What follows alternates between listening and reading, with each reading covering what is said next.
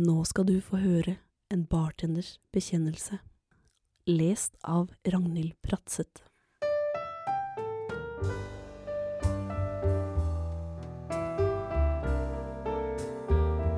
Som de fleste i dette landet bruker jeg en del tid ute på byen i helgene. Du tenker kanskje at jeg er en festløve som hver helg drikker alkohol og fester. Det er i hvert fall det en del tror, men jeg jobber som bartender. En ganske spennende jobb hvor, jeg, hvor hver kveld er forskjellig. Når andre drar på vorspiel, tar jeg bussen til sentrum for å dra på jobb. Første del av kvelden består veldig ofte i å fylle på baren og klargjøre for kvelden.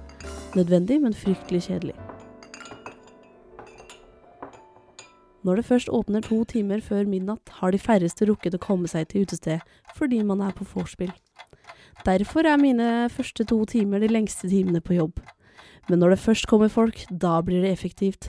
Før klokka bikker midnatt er folk trivelige, blide, hyggelige og rasjonelle.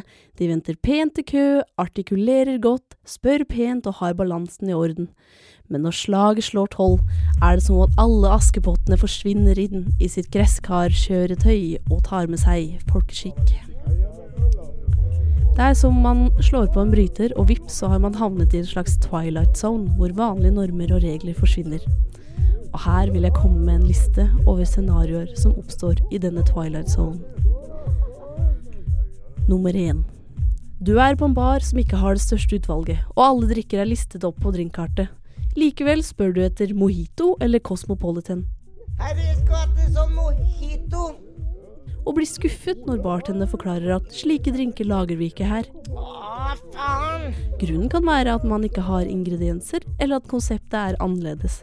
Dra et annet sted hvis dette er noe du vil drikke. Det er mange nok som kun vil ha pils eller Smirnoff Ice. Nummer to. På et utested er det veldig ofte høy musikk, og kommunikasjon med bartenderen foregår ofte i tegnespråk eller leppelesing. Det blir derfor vanskelig å forstå når du mumler eller holder opp to fingre og mener sider. To fingre eller én finger er ensbetydende med pils, og ikke noe annet. Det å stå og rope er for så vidt greit, men say it, don't spray it. Nummer tre. Som bartender har man skjenkeloven å forholde seg til. Hvis man ikke gjør dette, så har man ikke lenger en jobb å komme til. Derfor er det ikke personlig hvis bartenderen mener at du bør ta deg et glass vann, eller at du ikke får mer servering. Og unnskyldninger som at kompisen din er mer full, eller at du ikke har drukket noe, det fungerer ikke. Og det er heller ikke en sak som er opp til høylytt evaluering mellom gjest og bartender. Nummer fire. I en bar hvor tempoet er høyt og mange ønsker å bestille på en gang, så vil alt som gjør serveringen mer effektiv, bli satt pris på. Derfor kan det være greit å ha betaling klar, kort eller cash, og ikke begynne å snakke med sidemannen når bartenderen venter på din betaling. Da tar det enda lengre tid før andre kan få servering. Nummer fem. Ikke vær en drittsekk. Det kan hende at du jobber på et sted hvor du er ufin mot andre på en daglig basis, og at du derfor tenker at det er greit med en slik oppførsel ute på byen. Bartenderen driter i hvor mye penger du tjener eller hvor viktig du er, så lenge du klarer å vise folkeskikk. Vi vil bare gi deg en hyggelig opplevelse.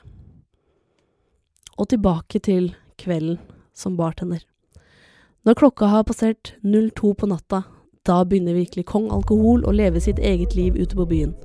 Han raserer håret til folk, gnir sminken deres utover og søler drikke på hverandre og løsner lukkemuskulaturen. Yes, dette er til dere som promper foran barn. Det kan dere bare slutte med, først som sist. Du har mulighet til å gå fra lukta, det har ikke jeg. Som edru på fest så er det veldig artig å være vitne til alt som folk tror dem sier og gjør i det skjulte.